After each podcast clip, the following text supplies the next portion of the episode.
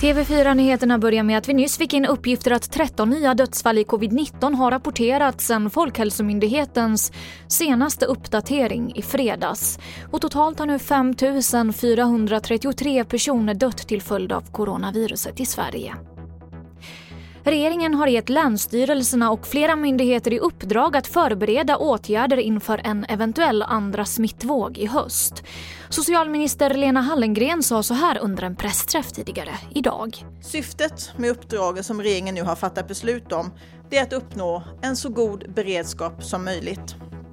Det handlar om att rusta Sverige för de fortsatta utmaningar som pandemin kan innebära och det handlar om att rusta oss för att minimera effekterna av nya utbrottsvågor. Och mer om detta på tv4play.se. Den italienske kompositören Ennio Morricone har avlidit. Genombrottet kom på 1960-talet med musiken till Sergio Leones så kallade spaghetti-westerns. Han belönades bland annat med en Oscar och år 2010 så tilldelades han Polarpriset. Ennio Morricone blev 91 år gammal. Och det var det senaste från TV4 Nyheterna. Jag heter Emily Olsson.